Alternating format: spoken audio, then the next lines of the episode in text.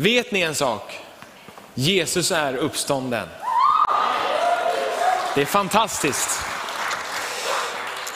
Tack så mycket Malin för den fina introduktionen. Jag har ju fått predika här några gånger förut, minst fem. Så det innebär ju att antingen är jag väldigt bra, eller så är Kalle väldigt snäll. Jag låter er avgöra i slutet på den här gudstjänsten om det är Kalle eller om det är jag. Jag skojar bara.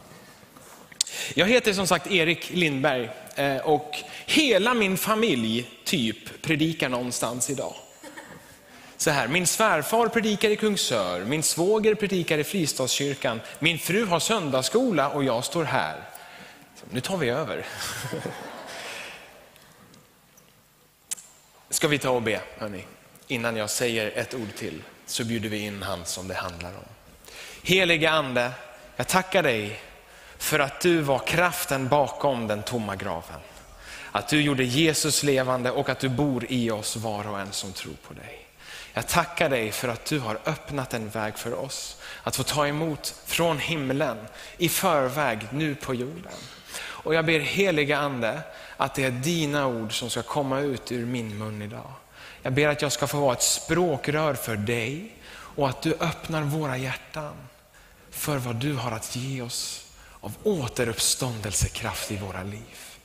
Öppna upp ditt ord för oss och uppenbara dig i våra liv. Och låt orden från himlen bära rik frukt i Jesu Kristi namn. Amen. Amen. När jag fick frågan av Kalle att predika idag så blev jag lite så här Eh, alltså, chockad, är kanske inte helt rätt ord, men jag använder det på, på påskdagen, uppståndelsedagen. Och så funderar jag i en sekund, vad ska jag predika om? Och sen bara, nej, jag kan inte välja något annat än, än vad jag ska predika om idag. Den här dagen skulle kunna kallas lite olika saker. Jag tänker inte byta ut ordet, namnet påskdagen, men vi skulle kunna kalla det för en bröllopsdag. För det var den här dagen som när Jesus kom som brudgum och församlingen som brud gick in i det nya förbundet tillsammans. Det är fantastiskt. Det är ett nytt förbund i kärlek och i sanning. Nu kommer jag ha som en minipredikan här, men det här är bara introt bara så ni vet. Det skulle också kunna kallas för en födelsedag idag. Och så tänker du så här, nej men Erik, det är ju påsk, inte jul. Nu har du snurrat ihop det så här. Men vet du vad, det är tack vare den här dagen som Jesus i Johannes kapitel 3, vers 16, 17, 18 och så vidare säger till Nikodemus, var inte konstigt att ni måste födas på nytt. Idag är dagen då du och jag föds på nytt. Det är vår födelsedag i Jesus. Amen. Det är också idag, vi skulle kunna kalla det för en begravning. En dödens dag. Och då tänker du så här, men Erik det är inte långfredag, det är ju uppståndelsedagen. Och det är sant, det är ju inte långfredag. Och jag pratar inte om Jesu död. Utan jag pratar om synden och dödens död. Jajamensan. Vad händer den dagen när döden dör? Vet du när Jesus gick ut ur graven, så som barnen så snyggt dansade sången för oss här. Så vet du, när han gick ut, då följde inte synd med, då följde inte död med. Det stannade kvar i graven. Så det är dödens och syndens begravningsdag. Halleluja. Jag ska aldrig någonsin se halleluja på en begravning, förutom idag. Idag är den dagen. Den dagen då Gud besegrade den största fienden som mänskligheten någonsin har fått se. Döden är den absolut största fienden för människan. Det är det absoluta stoppet, avstannandet, kylan. The point of no return. Fullständig förlust och aldrig någonsin igen. Det är döden. Det finns ingen större fiende som mänskligheten någonsin har mött. Jo, djävulen då, men han ger ju, det är ju döden. Liksom. Sjukdom kanske du tänker, ja den är bara jobbig om den leder till död. Svaghet, det är för att det leder till död. Det är döden som är vår stora fiende. Det är den största fienden vi har någonsin mött. Och det är Guds absoluta motpol. Gud är livets källa. Jesus säger själv, jag är... Ja, en gång till, jag är... Vägen, sanningen och livet. Guds ord är det som ger liv och är liv. Gud själv är anledningen till liv. Och döden är Guds motpart, liksom motpol. Och vi har de här, då, de här två motpolerna. Det är ju den klassiska bilden av liksom, gott och ont, Gud och döden.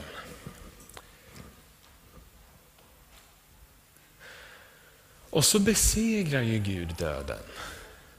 Gillar du spoilers? Nej, det gör inte jag heller, men den här gillar jag. Gud vinner på slutet. Jag har tänkt mycket på det här och ni som känner mig vet att jag är lite finurlig av mig och ibland lite så här, oj hur tänker han? Oj, oj lite jobbigt. Så här.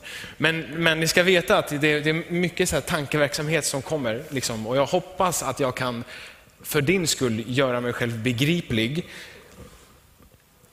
Varför gjorde inte Gud bara så här? Och så dog döden. Det är en ganska legitim fråga. Gud är ju allsmäktig, eller hur? Tror ni att Gud är allsmäktig? Det tror jag. Nu lever vi i en värld där vi har fått en del av makt och sådär, så ibland så är det svårt för oss att se Gud i allt som händer. Men Gud är allsmäktig. Han har all makt. Så då frågan, varför gjorde inte Gud bara så här? Döden försvann. Han gjorde ju inte så. Han gjorde ingen abrakadabra och sen försvinner döden. Utan han går ner som människa och möter döden. Och dör. Var du i en kyrka i fredags? Eller hemma och kollade på en gudstjänst? Långfredagen, vi minns att Jesus dör.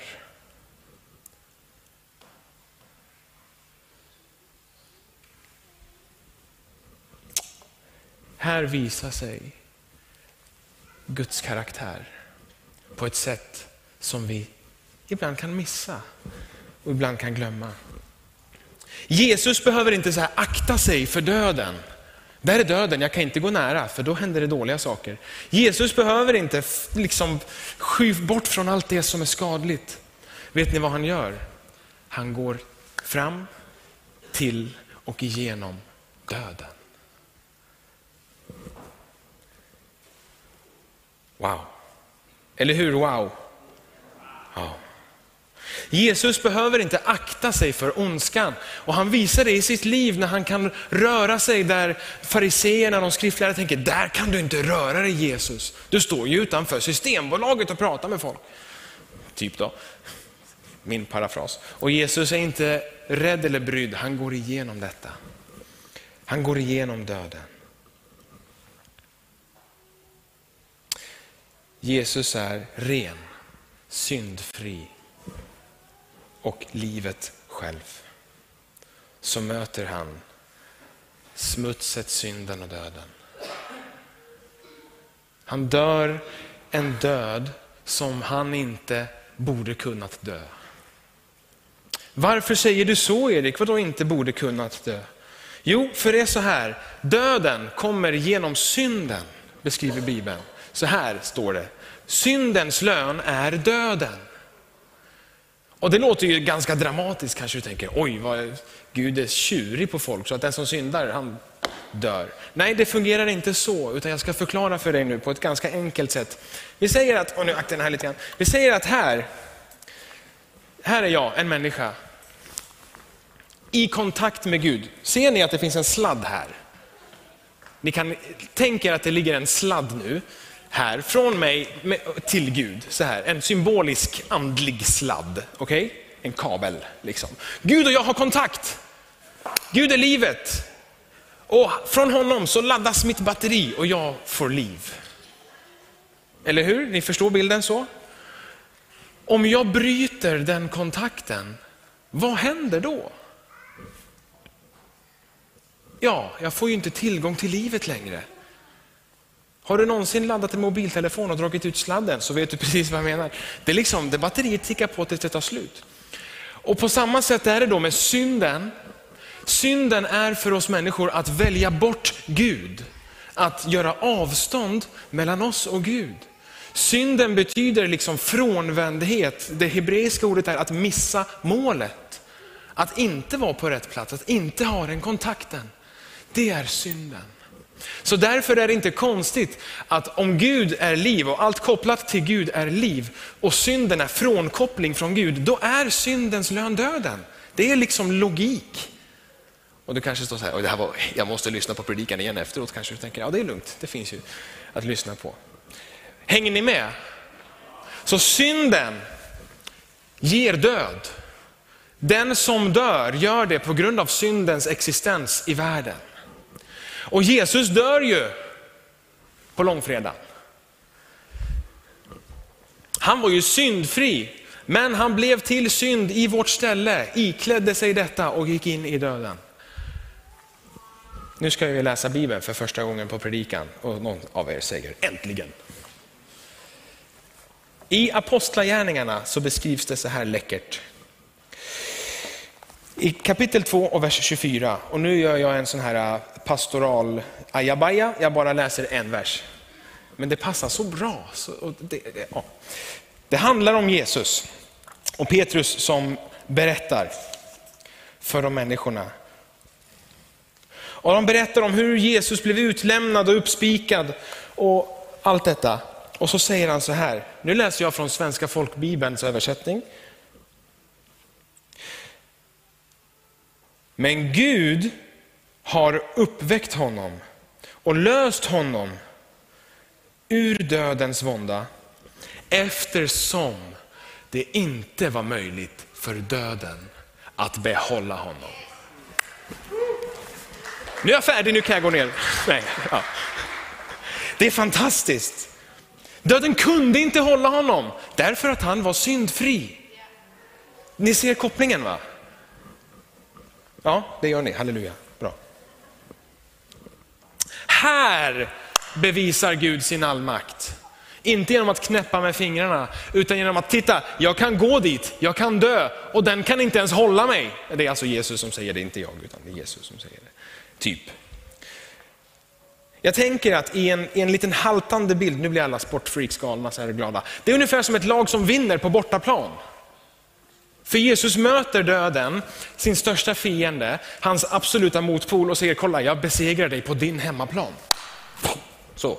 Det är som när smederna vinner speedway någon annanstans.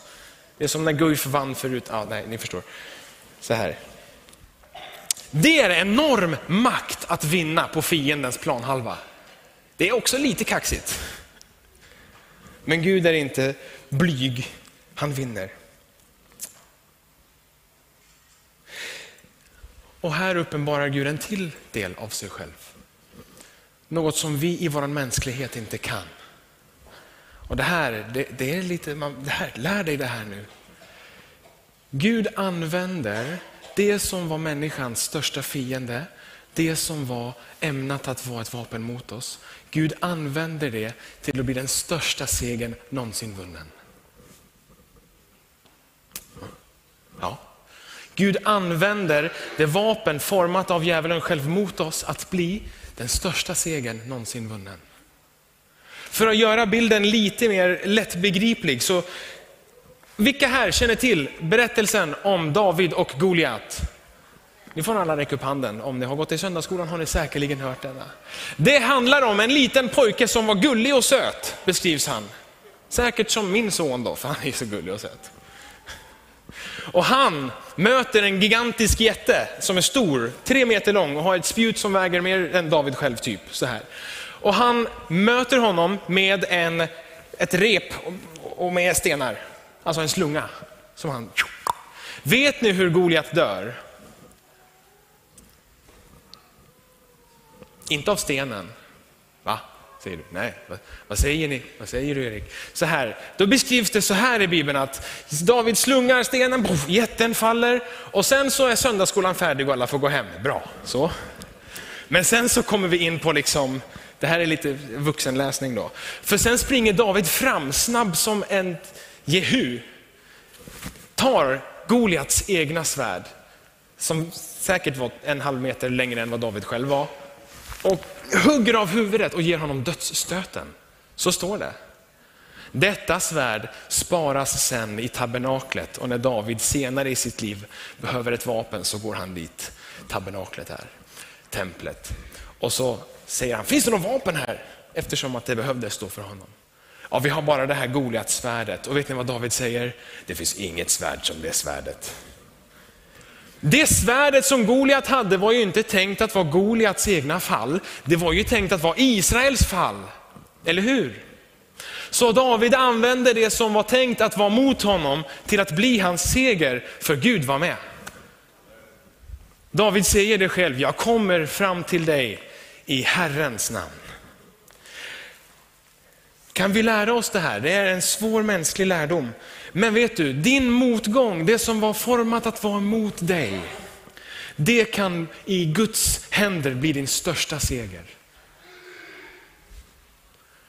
Sug på den karamellen. Ungefär så här kan jag se det då. Vi lever i en brusten värld, eller hur?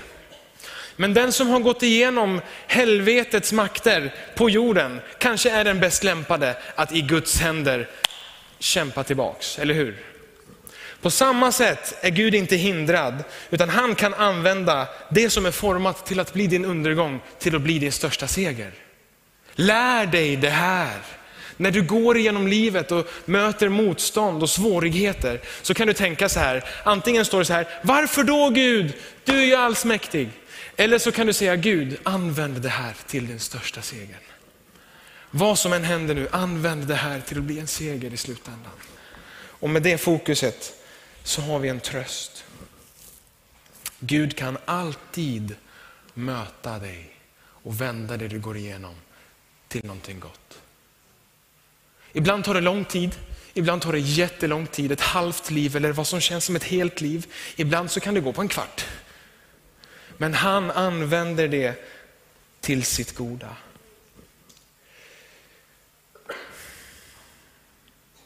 Gud kan inte dö. Det är liksom definitionen av gudomlighet, bland annat evighet. Allmakt, evighet, fullständig vishet. Gud kan inte dö, hans ord kan inte dö, Jesus kan inte dö. Och när han dör så kan döden inte hålla honom. Men han går igenom döden fullt medveten om att han inte kan dö. Ändå går han igenom döden. Och här bevisas ytterligare en av Guds karaktärsdrag. Och det stavas kärlek. Eller, ja, nu stavade jag inte det, men du förstår vad jag menar. För en av anledningarna till varför Jesus lät sig själv plågas, ska vi läsa, nu är det andra gången jag läser Bibeln i den här predikan. I Hebreerbrevet kapitel 2 och vers 14 så står det så här. Här beskriver då författaren, han skriver barnen och han menar de som är troende och följer Abraham. Alltså, du och jag kan inräknas i dessa barnaskara. Då står det så här. När nu barnen hade fått del av kött och blod tog han själv på liknande sätt del av detta. Den där han, det symboliserar Jesus. För att genom sin död göra den maktlös som hade makt över döden, alltså djävulen, och befria alla dem som av rädsla för döden levt i slaveri hela sitt liv. Det är ju inte änglar han tar sig an, utan Abrahams barn, alltså du och jag. Därför måste han bli lik sina bröder i allt för att bli en barmhärtig och trogen överstepräst inför Gud. Han beskriver fortfarande Jesus. Och sona folkets synder, och nu Jesus som pastor kommer fram. Genom att han själv fått lida och blivit frestad kan han hjälpa den som frestas. Vet du varför han gick igenom död och lidande?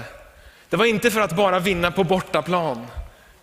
Utan det var för att han gick igenom allt detta så att du och jag i våra liv, när vi fortfarande väl medvetna kommer möta lidande och död, så har vi en frälsare som går med dig. Vi har en som har segrat och han går med dig och hans namn är Jesus. Jesus lät sig själv plågas och dö. Dels för att synden behövde bort och graven och allt det jag tidigare sagt. Men också för att prata det mänskliga språket. För du och jag, hur heliga eller oheliga vi än är, så tycker vi om när vi kan relatera till någon. Eller hur? Du gillar dem som du tycker om, för att du relaterar till dem. Jag gillar gitarrister för att jag är gitarrist. Ja, ni förstår vad jag menar. Sådär. Du gillar eh, vad du gillar för att du har en koppling och känner att du kan relatera till eller vill relatera till detta. Och Jesus som gick igenom lidande och död, han gjorde det precis för samma anledning att du och jag kan relatera till honom och han relaterar till oss. Han vet vad du går igenom, han vet vad du har gått igenom och vad som kommer.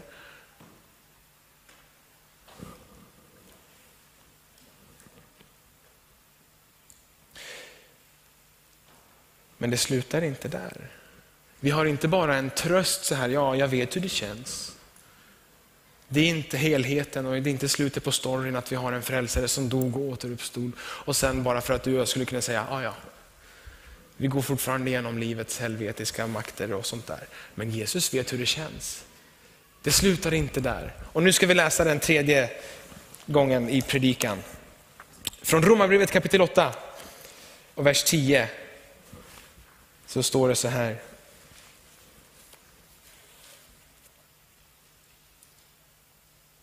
Ja, Okej, okay. förlåt Leo, nu jag läser från vers 9 i alla fall, för vi stod innan och så här, ska jag ta vers 10 eller vers 8? Eller? Ja. Ni lever inte i köttet utan i anden, eftersom Guds ande bor i er. Paulus skriver till de kristna i Rom, men det gäller dig och mig också. Den som inte har Kristi ande tillhör inte honom. Om Kristus bor i er är visserligen kroppen död på grund av synden, men anden är liv på grund av rättfärdigheten, alltså Jesus rättfärdighet som är levande i oss. Nu kommer det, är ni beredda? Och om anden från honom som uppväxte Jesus från de döda bor i er, då ska han som uppväckte Kristus från de döda också göra era dödliga kroppar levande genom sin ande, som bor i er. Det här är fantastiskt. Den kraften som väckte upp Jesus från de döda bor i de som är kristna. Det här var en av apostlagärningarnas bästa lärdomar. Att de, de som var liksom de första kristna, elitkristna från Jerusalem, alla judar, när de såg hur heliga ande föll på hedningar och på andra folk, då förstod de, det här är Gud med dem. Heliga ande har fallit på dem. Heliga ande är med dem. Det är äkthetsbeviset för Guds välsignelse. Och vet du, han bor i dig, du som är kristen. Han bor i dig, heliga ande har flyttat in i dig. Du är Guds tempel. Och här kommer en ordlek som är så fantastiskt bra, den funkar bara på svenska. Okay. I templet, det gamla liksom, judiska templet, så fanns det olika nivåer av helighet ju närmare man kom in, liksom, in i det allra heligaste. Dit fick inte du och jag gå. Dit fick översteprästen gå. För detta ställe så hängde ett stort tyg som eh, kan kallas olika saker. Förhänget och i min bibelöversättning så står det förlåten. Känner du igen detta? Förlåten? Ja, det har du säkert läst i din bibel att det står. Och förlåten. Sådär. Där inne var liksom Gud. Nu vet ju vi att, precis som kung Salomo i sin vishet sa, att men Gud är ju inte bosatt i mänskliga byggda tempel, utan han, ju, han har ju jorden som sin fotpall. Men ändå, där inne symboliserar liksom Guds absoluta närvaro. Mm. När Jesus dör, vad händer? Förlåten brister.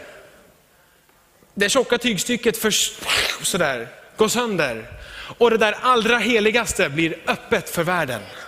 Och vet du vad som händer när förlåten brister? Då blir du förlåten. Så vet du vad som hindrar dig från att möta Gud? Vet du vad som skärmar? Det som är närmast Gud liksom, det är du. Han bor i dig. Du är förlåten och Gud bor i dig, för i dig finns det allra heligaste, heliga andes boning. Ta hand om dig och din själ och din kropp därför. Det är äkthetsbeviset och sigillet för ditt liv. Att Gud är med. Att heliga ande flyttar in och gör sitt verk i dig och i mig. Precis som Paulus beskrev det. Då. Om anden från honom som uppväxte Jesus från de döda, han, han bor i er, han kommer göra era döda kroppar till levande. Livet är ju Gud själv. Välsignelsen som livet har är Guds välsignelse och heliga ande är Guds närvaro. Så vet du, det är tack vare heliga ande, varenda gång du har mött ett mirakel, så är det på grund av heliga andens boning i dig, för att förlåten brast, för att döden är besegrad och ligger begraven. Varenda gång du har hört ett vittnesbörd som har väckt någonting inom dig, då är det anden i dig som liksom, mm, halleluja. Varenda gång du har fått profetera eller fått ett uppmuntransord som har byggt upp dig, då är det Guds egna utandning.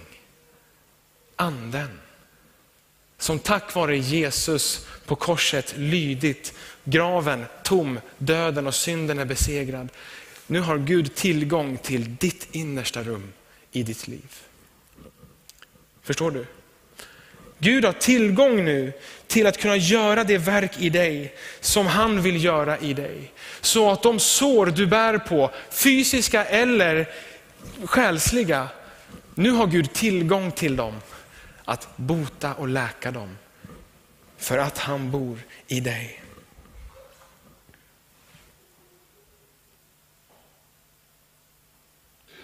Du som tror på Jesus Kristus. Du som har tagit emot honom i ditt liv. I ditt hjärta tror och med din mun bekänner, jag tror på Jesus. Och jag vill bjuda in heliga ande i mitt liv. Du som tror på Jesus, du har livets, det sanna livets fullständiga kraft väntandes på din insida, redo att springa. Liksom. Som en motorcykel. Man, så, typ.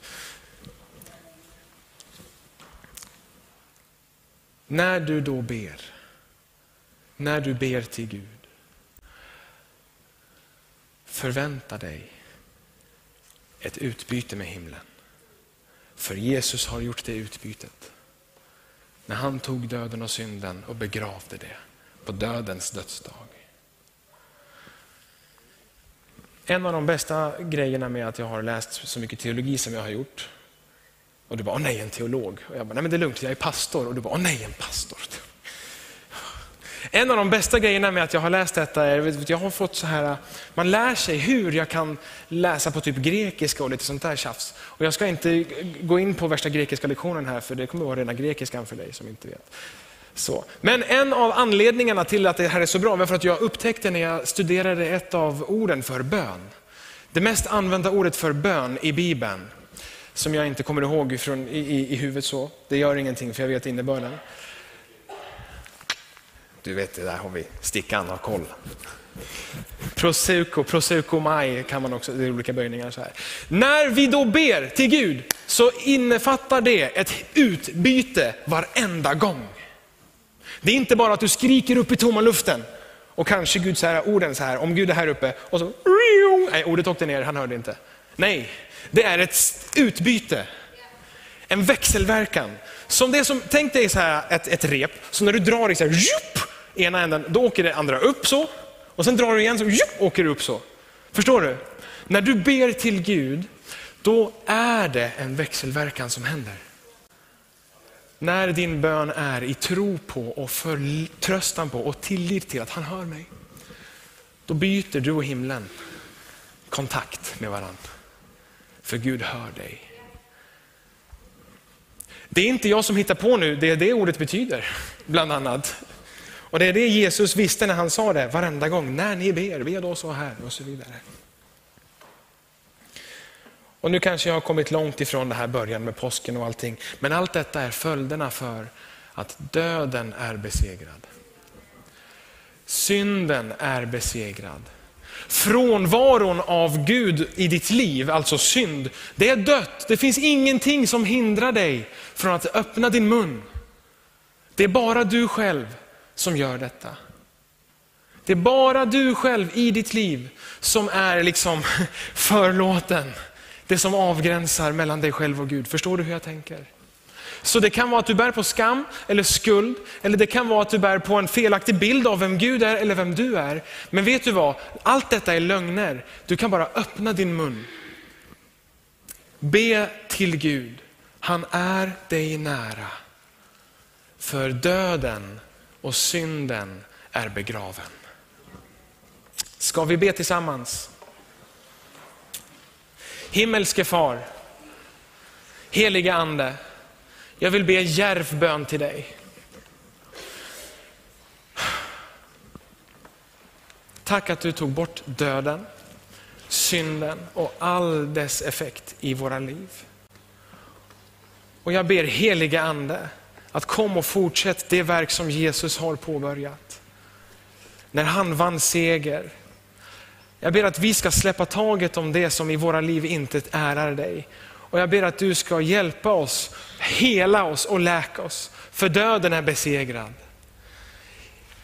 Gör våra kroppar levande heligande. Vi ber så att sjukdom ska lämna. Ångest ska lämna. Bitterhet ska lämna.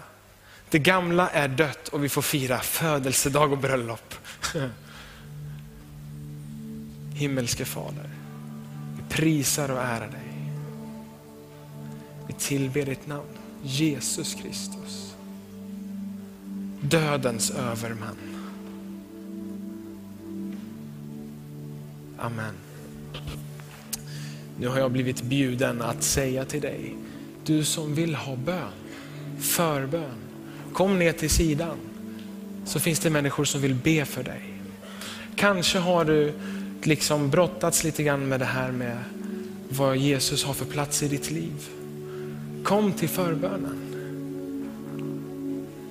Kanske har du någonting du bär på som behöver avlägsnas i Jesu namn. Kom till förbönen.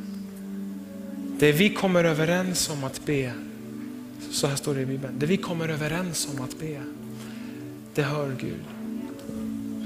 Ska vi komma överens om det? Att Gud är för dig? Ja, jag tar det som ett ja. Vi kommer överens om att vi ber tillsammans. Och du som vill ha förbön, kom. Samtidigt så tillber vi Herren.